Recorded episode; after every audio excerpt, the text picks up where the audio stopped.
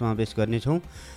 विशेष गरी एउटा लामो राजनीतिक यात्रा शिक्षक पेसालाई त्यागेर लामो राजनीतिक यात्रा तय गर्नुभएका व्यक्ति जो अहिले सुदूरपश्चिमको सभामुखको पदमा हुनुहुन्छ र उहाँले थुप्रै लेख पनि लेख्नु भएको छ विभिन्न किताबहरू पनि उहाँले हाम्रो माझमा ल्याउनु भएको छ। बडो अध्ययनशील र विभिन्न अध्ययन गरेर एउटा समाजको लागि मरिहत्ते गर्ने व्यक्ति हाम्रो सामु हुनुहुन्छ। टाढा नजाउँ। अब कतिलाई मन पर्ला कतिलाई नपर्ला अब यो आफ्नो कुरा हो। तर एउटा सुदूरपश्चिमको प्रदेशका सभामुख अर्जुन बहादुर थापा हाम्रो अतिथिको रूपमा आज हुनुहुन्छ। उहाँसँग हामी समसामयिक विषयवस्तुमा पनि कुराकानी गर्नेछौँ र प्रदेशको अबको यात्रा के होला? प्रदेशमा अब कसरी समीकरण हुन्छ होला? भन्ने विषय पनि आजको बहसमा रहनेछ भने त्यसै गरी उहाँका व्यक्तिगत कुराहरू र अहिले सुदूरपश्चिम प्रदेशले बजेट बाँडफाँड गरेका कुरा अब अहिले विशेष गरी प्रदेशको रकमहरू ठेक्कामै ल्याएर यता पैसामा किनेर हामीले योजना ल्यायौँ भन्नेसम्मका कुराहरू हामी बजाङमा सुन्न पाउँछौँ। यी कुराहरू के हुन् त भन्ने विषयमा आजको बहस केन्द्रित गर्नेछौँ।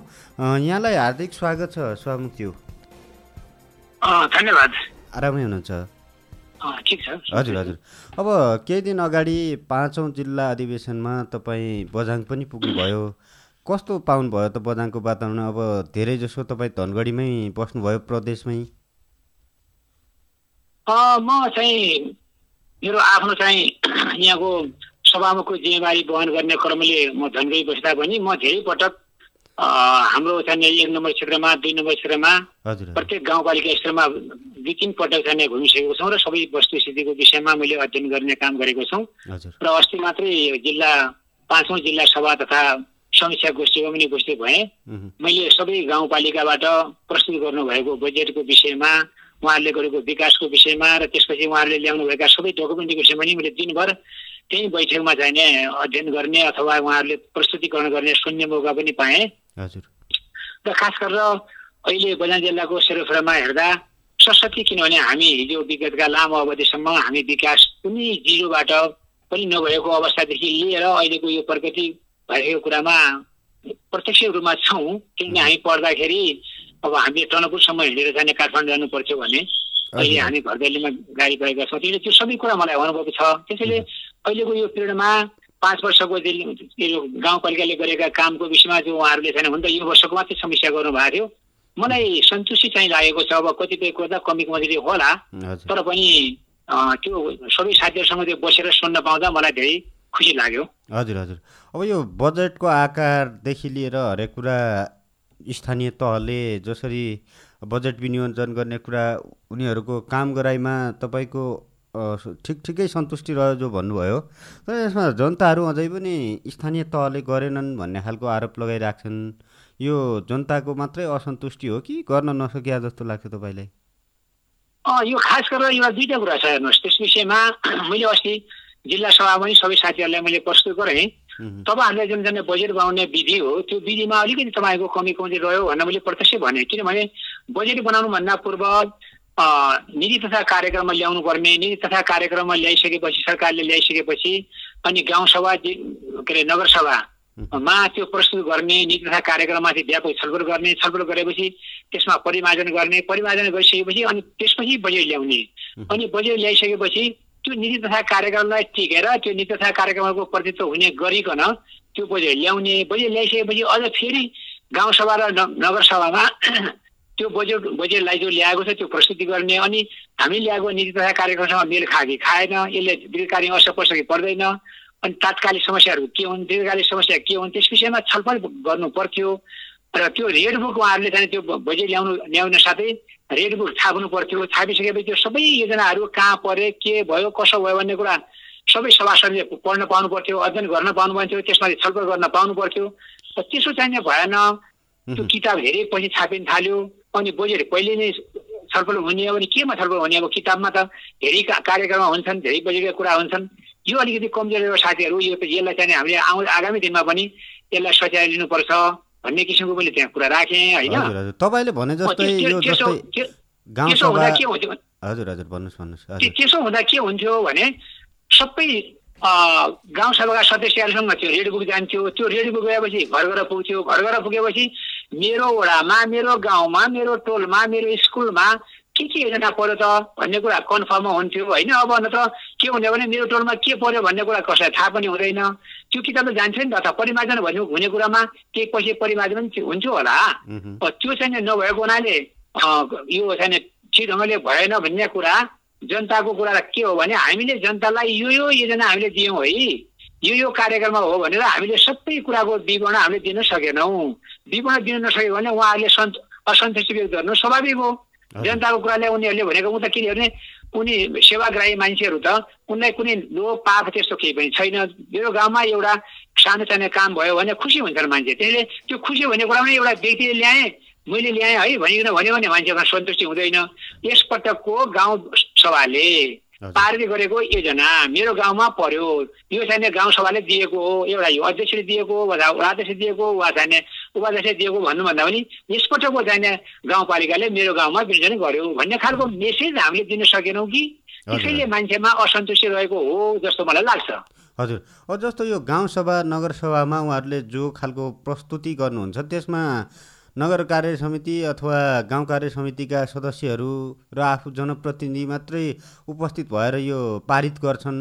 आम जनताको प्रत्यक्ष सहभागिता त्यति धेरै हुँदैन। उल्लेख्य मात्रामा जनताहरूले चासो नदिएका हुन् कि उनीहरूले जनतालाई चाहिँ बोलाउन नसकिया हो जस्तो लाग्छ यहाँलाई।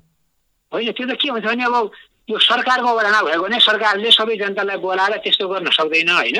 किनभने सरकारको प्रतिनिधि भनेको नै ती नेताहरू हुन् ती वडा अध्यक्ष हुन् जस्तो हामी मान्ने छौँ यो त हामीले मान्नेको त्यो संसदमा मान्ने नै बस्ने हो। अरू अब त्यसमा हो एउटा विधि तपाईँले भने ठिक हो। एउटा कुरा के छ भने जहिले हाम्रो त्यो गाउँसभा हुन्छ नि त्यहाँ प्रत्यक्षदर्शीको रूपमा चाहिने त्यो त्यो ठुलो हलको व्यवस्था त्यहाँ खुला रूपमा बस्न पाउँछ हेर्नुहोस्। अब त्यसमा पनि के भने कति हो त त्यो कोटा त्यसमा जाने अटाउने क्षमताको कुरा होला अनि उहाँहरूले पास दिएर त्यो छलफलमा खुला रूपमा गाउँ कोटामा गाउँ गाउँ कार्यपालिकाको टाइममा बस्न पाइँदैन।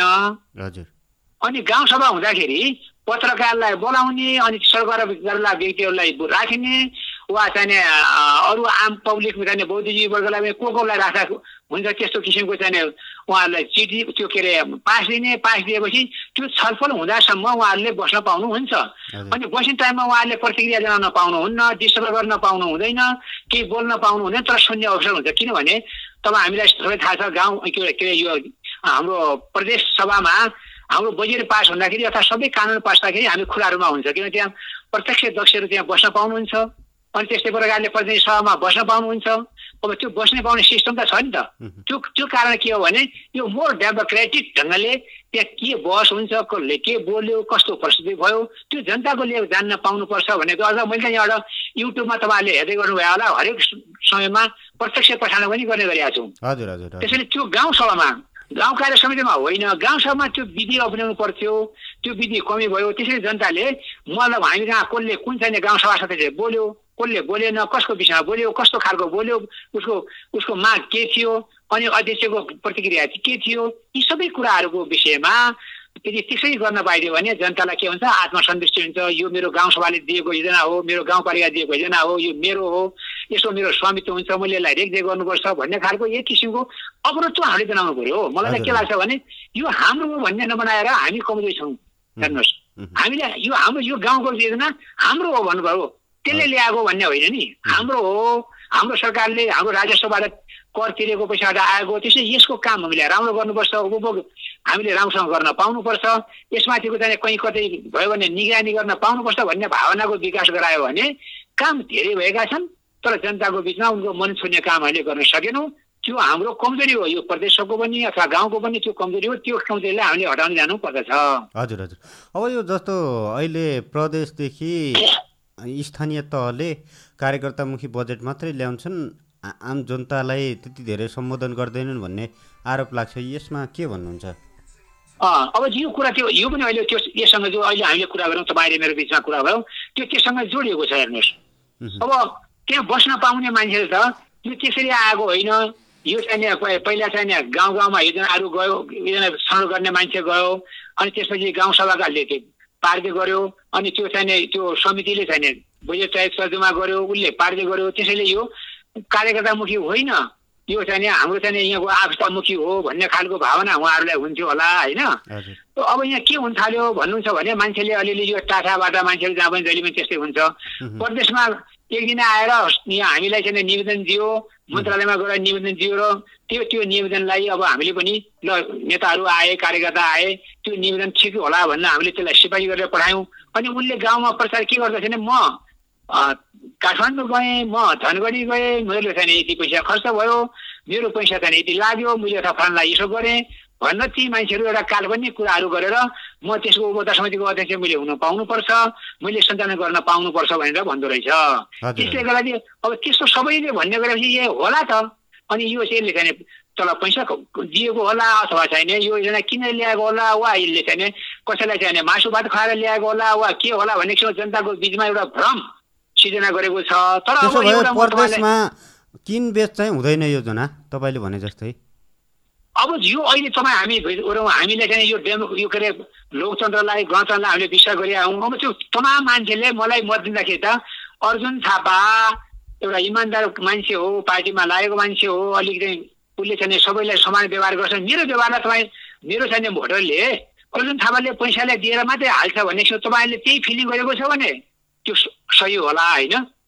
तर मैले आफू चाहिँ हेडमास्टर हुँदादेखि लिएर पार्टीको चाहिँ अध्यक्ष हुँदाखेरिदेखि लिएर त्यो दस वर्षमा चाहिँ जिल्ला विकास सञ्चालन नहुँदाखेरि मैले पनि चार वर्ष चार कार्यकालमा चाहिँ चार वर्षको कार्यकालमा त्यहाँ योजनाहरूको विषयमा छलफल गर्ने कुराकोदेखि लिएर हाम्रो चरित्र के हो हाम्रो स्वभाव के हो हामीले कमाइ आएको आम्दानीको स्रोत के हो र हाम्रा घरद्वार के हुन् हामीले गरेका हाम्रो स्ट्यान्डर्ड के हो त त्यो जनता बिचमा छल्न छ त। अहिले पनि तपाईँको योगदान तपाईँले पार्टीप्रति जो खालको एउटा त्याग तपस्या गर्नुभएको छ यो एक ठाउँमा छ सबैले बुझ्नुपर्ने हो। तर एउटा कुरा के भने जसरी अहिले तपाईँ प्रदेशको सभामुखको भूमिकामा हुनुहुन्छ अहिले बझाङका थुप्रै युवाहरू अथवा यहाँका जनप्रतिनिधिहरू प्रदेशमा जाने हामीले चाहिँ सभामुखद्वारा यसरी बजेट लिएर आयौँ। उहाँले चाहिँ हामीलाई व्यक्तिगत रूपमा बजेट दिनुभयो भन्नेसम्मका कुराहरू यहाँ सुन्नमा आउँछन्। यो खासमा यो आरोप यो आरोप लाग्ने कुरा तपाईँले म एकछिन तपाईँलाई भन्छु। त्यो नितान्त गलत कुरा हो होइन? हजुर। अब त्यहाँ भन्ने क्रममा म तपाईँलाई एउटा राखौँ कि प्रदेश गौरवको योजना दिपालदेखि पल्लो सेतीको पारीको बेल्ट हुँदै तलकोट हुँदै साइपालसम्मको यो दीर्घकालीन यो प्रदेश गौरवको योजना राख्दाखेरि तपाईँलाई कुनै पनि कार्यकर्तालाई यो प्रदेश गौरवको योजना मैले ल्याएको हुँ मैले सभामुखलाई भनेर ल्याएको कसले भनेर म भन्दैछु नानी कुरा के मान्छेको किनभने त्यसमा चाहिँ प्रत्यक्ष कुनै व्यक्तिले त्यहाँ उपभोक्ता समिति बस्न पाउँदैन होइन? त्यो उपभोक्ता समिति बस्न पाउँदैन त्यसको चाहिँ श्रेय उसलाई जाँदैन त्यसले उसले त्यो भन्दैन। अब यसपटक मैले तपाईँलाई जानकारी गराउँ मैले आठवटा पुलहरूको चाहिँ सर्वेको लागि पैसा छुट्याएँ। काँडामा चाहिँ पुलहरू छन् लोकर्णको कुरा छ चलकोटमा दुईवटा पुल छन् छब्बिसको छ एउटा छैन छान्नामा छैन छ। अनि यी सबै ठाउँलाई हेर्दाखेरि आठवटा पुल मैले झुलुङ्गे पुल र पक्की पुल गरेर आठवटा पुलको गरेँ। त कुनै पनि मान्छेले मेरो ठाउँमा पक्की पुलको लागि म गएँ झुलुङ्गे पुल राख्न लगाएँ सभामुखलाई भन्यो भने कोही मान्छे भन्दैन। किन भन्दैन त? त्यो त झिल ल्यायो भने उसको नाम भन्ने कुरा हो नि। मैले तलकोटमा एउटा पक्की पुल एउटा झुलुङ्गे पुल राख्दाखेरि मैले ल्याएँ भने त्यहाँको अध्यक्षजीले त्यहाँको उपदा समितिले कसले भन्दा पनि हुन्छ नि लोखण्डमा मैले गएर भने भन्दा पनि हुन्छ नि काँडामा दुईवटा पुल राखेँ भने भन्दा पनि हुन्छ नि। छब्बिसको चाहिने पर त्यो के अरे हाम्रो दुर्गा खै जाने बाटोको त्यो त्यो पुल चाहिँ मैले ल्याएँ भन्दा पनि हुन्छ। त्यस्तो मान्छे किन भन्दैन? त्यो भनिदियो भने उसले ल्याएकोमा ठिक थियो उहाँले आयो अनि सभामुखलाई भन्यो प्रदेश सभामा गयो। ए राम्रै गरेको छ भन्ने भन्थ्यो नि त। त्यसमा लाभ छैन। त्यस्ता कुरा त्यस्तै प्रकारले अब अहिले चाहिँ हामीले चाहिँ असहाय अपाङ्ग असहाय विद्यार्थीहरूको लागि सत्यवादी हाई स्कुलमा जाने छात्रावास को सुरुवात गऱ्यौँ गत वर्ष अनि बजार जिल्लाका जति पनि आमा बाबु नभएका टुरा बालकोलाई पढाउनलाई हामी सुरुवात गर्न लागेका त्यो छात्रावासको लागि मैले पहल गरेर यसरी गरेको भने कुनै साथीले भन्दा पनि हुन्छ नि त। त्यसमा उनीसँग प्रत्यक्ष लाभ जोडेको छैन हेर्नुहोस्। त्यो भन्यो भने हामीलाई गौरव हुन्थ्यो किनभने उहाँहरूको विचार आयो। मैले चाहिँ सिफारिस गर्ने योजना पढ्यो। कति सबैको नाम पनि हुन्थ्यो गाउँको नाम पनि हुन्थ्यो। त्यस्ता कुरालाई मैले ल्याएको कोही मान्छे पनि भन्दैन कि हजुरको तर गर्ने कुरा के भने सानो मन्दिर भयो। मन्दिर त यसबाट हामीले धेरै नहाल्ने भनेको थियौँ कता कताबाट खोज्ने कतापट्टि कसरी हो त्यो हाम्रो सिफारिस भन्दा पनि मन्दिर चाहिँ यसबाट हुँदैन भन्नु पऱ्यो हामी त्यसलाई सिँढी बनाऊ त्यहाँको अर्को चिज पर्यटकीय क्षेत्रको लागि विकास गरौँ भन्ने कुरा पनि भएको थियो। मैले त्यसो नीतिगत भने ठिक छ भन्ने किसिमले कुराकानी पनि भएको थियो। अब त्यसमा चाहिँ के भने मान्छेले मैले अघि तपाईँले भने नि त म त्यहाँ गएँ मेरो खर्च भयो यति पैसा मैले पाउनुपर्छ भन्ने जो लोभ छ नि लोभ पाप छ नि त्यो लोभ पापको कारणले हाम्रो नाम पनि बिक्री गर्ने अनि त्यहाँ गाउँपालिकाको नाम पनि बिक्री गर्ने अनि चाहिँ कुनै कर्मचारीको नाम पनि बिक्री गर्ने यस्तो किसिमको चाहिने परिवार छ त्यसलाई तोड्नु यस्ता व्यक्तिलाई पहिचान गरेर तपाईँहरूले पनि एउटा लाइनमा ल्याउने कुरा पनि त रहला नि। त्यो यसो भयो नि त्यो कस्तो हो भने बदमास मान्छेलाई सबैको राज्यको तपाईँको त्यहाँ सञ्चारकर्मीदेखि लिएर सबैको हो। मैले एउटा भन्ने गरेका के छौँ भने मैले सबै ठाउँमा त्यहाँ अस्तिको गाउँ के अरे गत वर्ष म सबैको गाउँपालिकामा गएँ मैले त्यहाँ भाषणमा के भन्ने बोलेँ भने यदि कुनै मान्छेले यो योजना मैले ल्याएको हो यसमा पैसा खर्च भएको हो भने कोही भन्छ भने त्यो मान्छेलाई उपभोक्ता समितिको अध्यक्ष नबनाउनु होला। त्योभन्दा अर्को मान्छे बनाउनु होला। यदि उसले त्यो विरोध गर्यो भने तपाईँले अर्को बनाएको उपभोक्ता समितिको नाम म कहाँ बनाउनु र म त्यसलाई नै यही समिति बनाऊ भनेर म एउटा टेलिफोन गरिकन सिपाही लिइकन त्यो अर्को मान्छे बनाउँछु। अर्को मान्छेले बनाएपछि त उसले त्यो त्यो पैसा खान पाउँदैन नि त। बाटो त कि त थिए गर्ने? अनि त्यो गाउँका मान्छेहरू वडाका मान्छेहरू जसले मैले पैसा खर्च गरेर ल्याएँ म धनगढी गएँ मैले माग गरेँ सभामुखीले सिपाही गऱ्यो अथवा फाँडामा सिपाही गऱ्यो म गएँ गाउँ साथीहरू भन्ने मान्छेको लागि। त्यो शङ्काको विषय भएन। मैले खर्च गरेर ल्याएँ भन्ने मान्छेलाई। त्यो जिम्मेवारी नदिउँ न हो व्यवस्थापकीय खर्च भनेर हामीले चाहिँ थोरै चाहिने त्यहाँ कागज किन्नु पर्ला बैठक बस्नु पर्ला अनि कोही चाहिँ आउन पाउन साथ चाहिँ खानु खुवाउनु पर्ने होला निरीक्षण गर्न आएको मान्छेलाई यसै खानु त हामीले हाम्रो चाहिँ परम्परा नै हो खाना खुवाउनु पर्ने होला। त्यस्तो अवस्थाको लागि थोरै चाहिने त्यसबाट यदि खर्च भयो भनेर जनता बुझ्नु सात भन्ने दस लाखको चाहिने बिस पच्चिस हजार रुपियाँ खर्च भयो भने के त ठेका भयो भने आठ लाखले सात लाखमा त्यसले सम्पन्न गर्छ। अनि चाहिँ ऊ चाहिँ दस लाखमा साढे नौ लाखले अथवा नौ लाख असी हजारले त्यो चाहिँ काम भयो भने राम्रै काम हुन्छ नि। त्यो खुला गर्नु भयो नि किन खुला नगर्ने भन्ने मेरो त मैले एफएमबाट त्यो सबैले सुन्नु भयो होला दस बिस हजार रुपियाँ चाहिने व्यवस्थापकीय खर्च किन नराख्ने? त्यस्तो विधि गरौँ न। अनि अनि त्यो सबै ठाउँमा सभामुखले लक्ष्य समातेर कसले भन्यो भने कहाँ पाउनु सक्छ हजुर? अब यो जस्तो जस्तो एउटा कुरा तपाईँले जो अहिले राम्रो सन्देश दिनुभयो यो सन्देशको सही रूपमा प्रयोग भइदिएको भए अहिले तपाईँ जिल्लामा आउँदाखेरि पनि राम्रै सन्देश जान्थ्यो होला। तर कस्तो भने यता आएर तपाईँको ल सभामुखले चाहिँ हामीलाई यति पैसामा चाहिँ योजना बाँड बाँड्नुभयो अथवा बेच्नुभयो भन्ने खालका कुरा सुन्न पाइएपछि आम जनताले तपाईँलाई विश्वास गर्ने वातावरण कम हुन्छ। यसले गर्दा तपाईँको छविमा पनि दाग लाग्छ। हजुर। सभामुखले यसो गर्यो भन्ने कुरा मलाई लाग्छ त्यो चाहिँ प्रदेशमा गएर गऱ्यौँ कसैले भन्यो होला मेरो नाउँ जोडिकन एउटा सिङ्गल मान्छेलाई तपाईँले भन्नुभयो भने है त्यसो चाहिँ भन्यो होला म छैन त्यहाँका मेरा भोटरहरू मेरा कार्यकर्ताहरू हाम्रा मान्छेहरूलाई मैले विश्वास छ कि मेरो विषयमा त्यो नकारात्मक किन त्यो प्रत्यक्ष रूपमा जोडिएको पाएका छौँ जस्तो खप्तर छान्नामा मात्रै उहाँका कार्यकर्तालाई योजना हाल्यो यो ठाउँमा मात्रै हाल्यो सुरुमा मात्रै हाल्यो भनेर यस्ता खालका कुराहरू आउँछन्। यसो भयो यसो भयो तपाईँले भनौँ जयपुर नगरपालिकामा हजुर हजुर। सबभन्दा बढी जय मैले यहाँ आइसकेपछि जयपति नगरबाट त्यो सदरमुकाम हो। सदरमुकाम भएको हुनाले अब गत वर्ष छब्बिस करोडको थियो अहिले मैले जोड्नु बाँकी छ। भने अर्को ठाउँमा चाहिने पाँच करोड नौ करोड पनि पर्यो। किनभने त्यो हो नि त जस्तो अब त्यहाँको त्यहाँ छब्बिस करोड कसरी पर्यो होला भनेर तपाईँले कल्पना गर्नु होला कसरी पर्यो त भने त्यो त जिल्ला हस्पिटल छ। जिल्ला हस्पिटलमा एम्बुलेन्स किन्दाखेरि पैसा पर्यो। अब त्यो त छान्नमा चाहिँ एम्बुलेन्स हुँदैन। माथि जाने काँडामा त्यो एम्बुलेन्स गएन एउटा एम्बुलेन्सको मूल्य बढ्यो होला त्यो भयो होला। एउटा चाहिँ गाडी डक्टरलाई गाडीको राख्यौँ हामीले। त्यो चाहिँ भयो होला। एउटा सभान राख्यौँ। त्यो स्वतः बढी भयो। अनि त्यस्तै प्रकारले त्यहाँ चाहिँ मनमोहन स्मृति भवनलाई खालि छुट्यायौँ होला। अनि त्यहाँ कर्मचारी छैन सङ्गठनको भवन जस्तो त्यसलाई छुट्यायौँ होला। त्यो पनि सदरमुखमै बस्ने भयो होइन? त्यसो कारणले अनि त्यो त्यहाँभित्रको चाहिँ एक करोडको चाहिने त्यो त्यहाँ त्यो पिच गर्ने कुरा गऱ्यो होला त्यो बजारमा। त्यसैले त्यो सदरमुकाममा जयपछि नगरपालिकामा सबभन्दा बढी बजेट म भन्छु सबभन्दा बढी बजेट प्रत्येक वर्ष हामीले पठाउने जयपृथ्वी नगरपालिका हो। अब त्यहाँको मान्छेले जयपृथ्वी नगरपालिकाको मात्र होइन होला नि त जिल्लाभरको कुरा मैले गर्न खोजेको जस्तो। यहाँ सुन्नु न यहाँ सुन्नु न मेरो भनाइ के भने छान्नामा पठायो उहाँ पठायो भन्ने कुरा त्यो जो तपाईँले उदाहरण दिनुभयो नि छब्बिसको मान्छेलाई प्रत्येकलाई सोध्नु होला। छब्बिसमा सभामुख भइसकेपछि छब्बिसमा सभामुख मैले चाहिँ योजना हालेको छ कि छैन भनेर तपाईँ धेरै मान्छेले प्रश्न गर्नुहोस् न। तलकोटमा छ कि छैन भन्ने प्रश्न गर्नुहोस् काँडामा छ कि छैन भन्ने प्रश्न गर्नुहोस् छान्ना छ कि छैन भन्ने प्रश्न गर्नुहोस् जयप्रति नगरपालिकामा भन्नुहोस् त्यही त हो हाम्रो गाउँपालिका। हजुर हजुर। यदि चाहिँ त्यो अब अब एउटा कुरा अर्को छ नि यो सभामुखज्यू जस्तो तपाईँको क्षेत्र विकास रकम पनि निकै दुरुपयोग गरेको भन्ने कुरा सुनिन्छ। यसबारेमा तपाईँलाई कतिको थाहा छ कि छैन यो तपाईँको एउटा छवि बिगार्ने खालको यो पनि आयो एउटा। जस्तो उदाहरणको लागि? क्षेत्र विकासको रकम तपाईँहरूले बाँड्नु पर्ने हो। कहाँको कहाँको कुन चाहिँ जाने जस्तो क्षेत्र विकासमा हालेको रकम भने कहाँको चाहिने काम भएन भन्ने कुरामा नि। उदाहरणको लागि मात्रै मैले यसो ठाउँ राम्रो काम भएको छैन एउटा मात्रै नाम भनिदियो भने मैले पनि त्यो निगरानी गर्नलाई सहिलो हुन्थ्यो भने अब समग्रमा भनेको मैले अब यहाँ धेरै समग्र बाहिरको भन्ने कुरामा छोटो छोडिदिउँ। तर त्यो अहिले अहिले एउटा हजुरहरूले बुझ्नुपर्ने कुरा के भने एउचोटि तपाईँहरू सबै साथीभाइहरूले अनुगमनको कुरा पनि जाउँ न त जस्तो प्रदेशबाट आएका कुलाहरू बिग्रिएको कहाँ हो? प्रदेशबाट दिएको स्कुल भवनहरू बिग्रिएको कहाँ हो? प्रदेशबाट आएको छात्रावास भवन बिग्रिएको कहाँ हो? प्रदेशबाट आएको खानेपानीको चाहिँ दुरुपयोग भएको छ तपाईँ कहाँ नै त्यो छैन दुई तिन करोडको छैन मैले खानेपानी हालेको छु। अब त्यो ठेक्कामा गया होला कति भयो त्यो कति भएन के हो?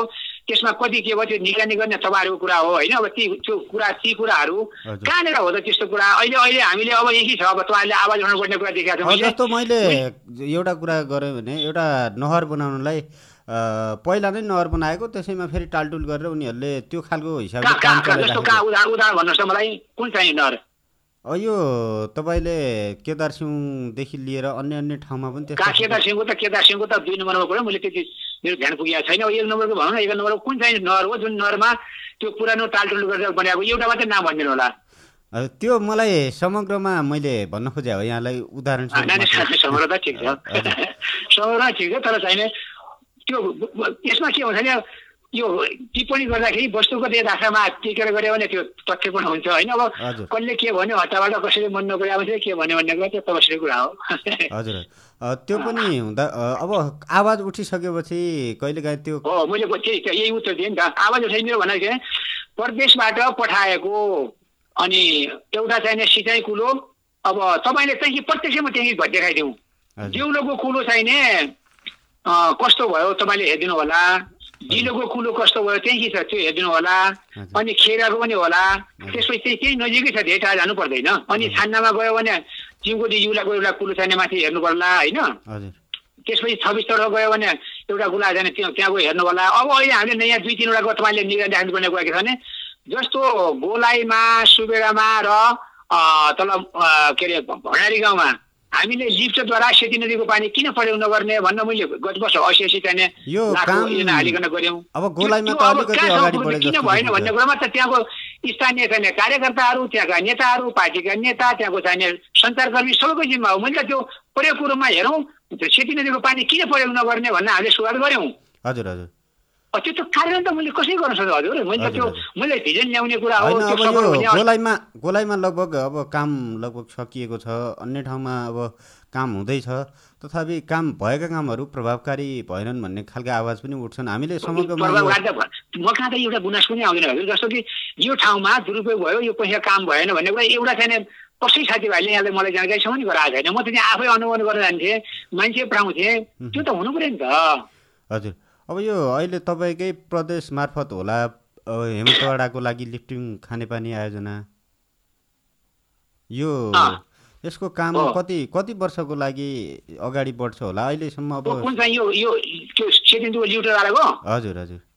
अब लिउटोको जाने त्यो कम्प्लिट नहुँदासम्म त त्यसको अब बजेटिङको कुरा त्यो पुरा गरेर नै छोड्छ नि त।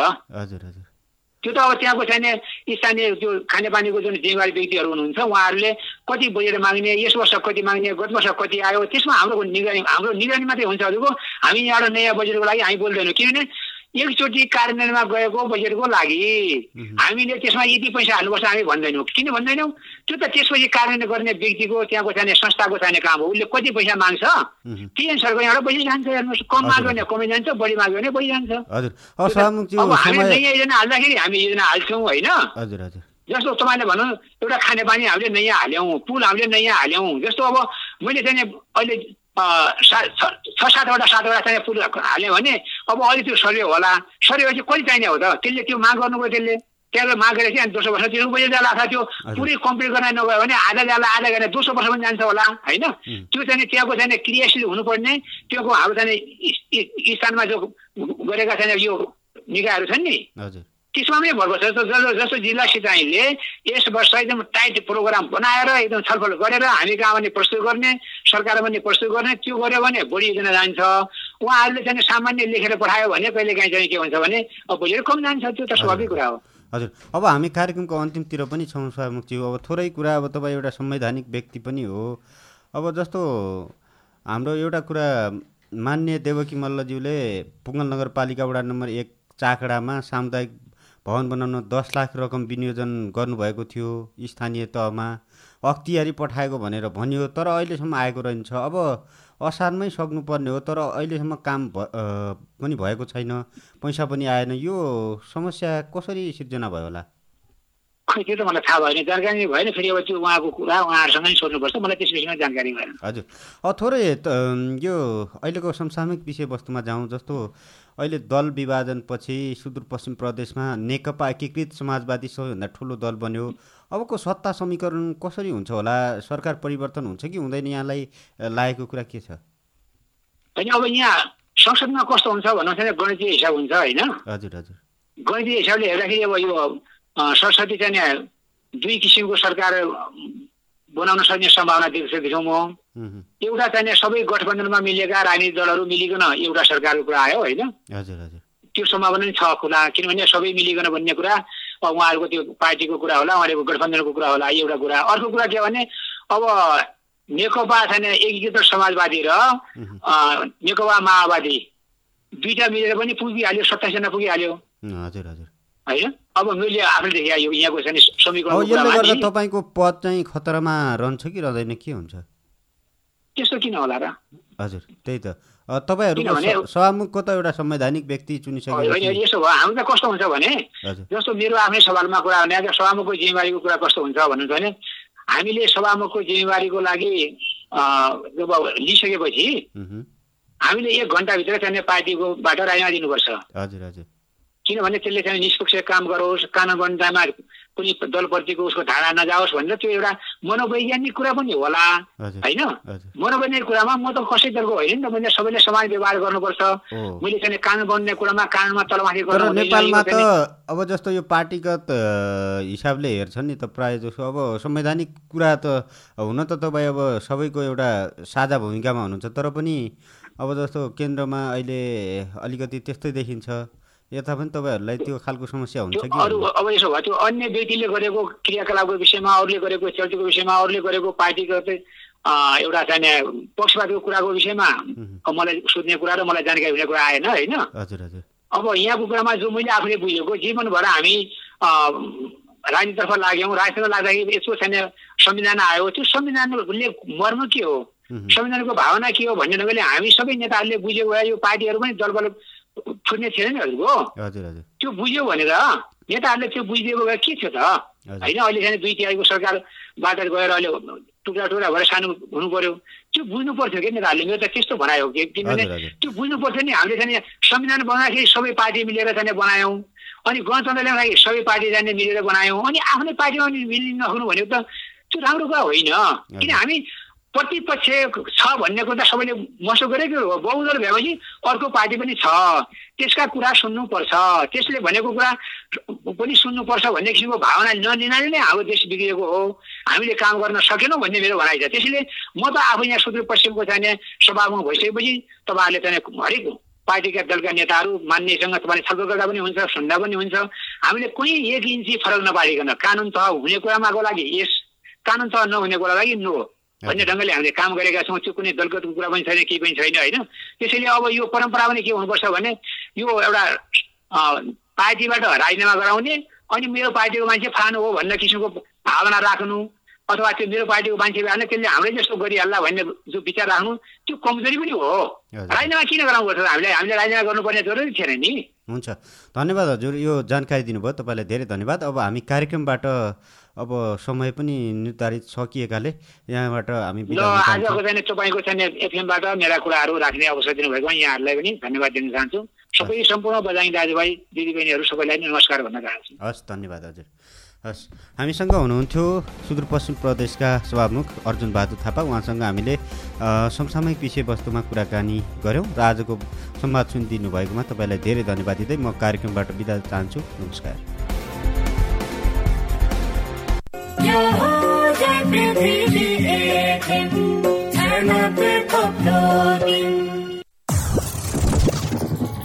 Time check. अहिले बिहानको नौ बजेको छ उज्यालो रेडियो नेटवर्कको बिहान नौ बजेको नेपाल खबरमा दिपा तिमल सिन्हाको नमस्कार उज्यालो रेडियो नेटवर्क उज्यालोको मोबाइल एप्लिकेशन र उज्यालो अनलाइन मार्फत एकसाथ प्रसारण भइरहेको नेपाल खबरमा सबैभन्दा पहिले मुख्य मुख्य खबर। संघीय संसदको दुवै सदनको अधिवेशन आजदेखि शुरू हुँदै विगतमा जारी गरिएका विभिन्न अध्यादेश स्वीकृतिका लागि प्रस्ताव गरिने। आज पचपन्नौ अन्तर्राष्ट्रिय साक्षरता दिवस अझै तेइस जिल्ला साक्षर घोषणा हुन बाँकी। तीजको अघिल्लो दिन आज दर खाइँदै खानपानमा ध्यान दिन डाक्टरको सुझाव। मेक्सिकोमा गर्भपतन अपराध नहुने गर्भपतन गराएकालाई अपराध गरे जस्तै गरी दण्ड दिनु असंवैधानिक हुने अदालतको ठहर। र दक्षिण अफ्रिका संघको एक दिवसीय क्रिकेट श्रृंखला श्रीलंकालाई नेपाल खबरमा अब पूरा खबर। संघीय संसदको दुवै सदनको अधिवेशन आजदेखि शुरू हुँदैछ। मन्त्री परिषदको सिफारिशमा राष्ट्रपति विद्यादेवी भण्डारीले दिउँसो चार बजे प्रतिनिधि सभा र राष्ट्रिय सभाको बैठक आह्वान गर्नु भएको छ। बैठकमा अध्यादेश बजेटलाई विस्थापन गर्ने विधेयक लामो समयदेखि विचाराधीन निजामती विधेयक नागरिकता विधेयक विगतमा जारी गरिएका विभिन्न अध्यादेश स्वीकृतिका लागि प्रस्ताव गर्ने कार्यसूची छ। सरकारले संसदको अधिवेशनमा बजेट विस्थापन गर्न विधेयक ल्याउने सम्भावना छ। प्रतिनिधि सभाको आज आजको कार्यसूचीमा राष्ट्रपति कार्यालयबाट अधिवेशन आह्वान सम्बन्धी पत्र पढेर सुनाउने र बैठकको अध्यक्षता गर्ने सदस्यहरूको मनोनयन गर्ने भनिएको छ। त्यसपछि गृहमन्त्री बालकृष्ण खाँडले राजनैतिक दल सम्बन्धी दोस्रो संशोधन अध्यादेश दुई हजार अठहत्तर पेश गर्ने कार्यसूची छ। एमालेसँग छलफल बिनै दल टुक्र्याउने अध्यादेश टेबल गरे संसद अवरोध हुने सम्भावना पनि छ। गएको साउन बत्तीस गते सरकारले अधिवेशन अन्त्य गरेको थियो। त्यसबेला सरकारले अधिवेशन अन्त्य गरेर राजनैतिक दल सम्बन्धी अध्यादेश ल्याएको थियो। अध्यादेश अनुसार नेकपा एकीकृत समाजवादी र लोकतान्त्रिक समाजवादी पार्टी दर्ता भइसकेका छन्। आज पचपन्नौ अन्तर्राष्ट्रिय साक्षरता दिवस मनाइँदैछ। मानव केन्द्रित पुनर्लाभका लागि साक्षरता प्रविधि प्रयोगको असमानता मा न्यूनता भन्ने नाराका साथ विभिन्न कार्यक्रम हुँदैछन्। दिवसका अवसरमा शुभकामना दिँदै प्रधानमन्त्री शेरबहादुर देउवाले सबै निरक्षर नागरिकलाई साक्षर बनाउनु सरकारको मुख्य लक्ष्य रहेको बताउनु भएको छ। उहाँले कोरोना महामारीकै बीच पनि दिगो विकासको लक्ष्य हासिल गर्न साक्षर अभियान निरन्तर अगाडि बढ़ाइरहेको दावी गर्नु भएको छ। अहिलेसम्म नेपालका चौन्न जिल्लालाई पूर्ण साक्षर जिल्ला घोषणा गरिएको छ झण्डै अडसठी प्रतिशत नेपाली नागरिक साक्षर रहेका पछिल्लो तथ्याङ्क छ। तेसवटा जिल्ला साक्षर घोषणा गर्न बाँकी छ। काठमाडौँ सहित ताप्लेजुङ सोलुखुम्बु सप्तरी सिराहा धनुषा महोत्तरी सर्लाही रौतहट बारा पर्सा कपिलवस्तु बाँके मुगु जुम्ला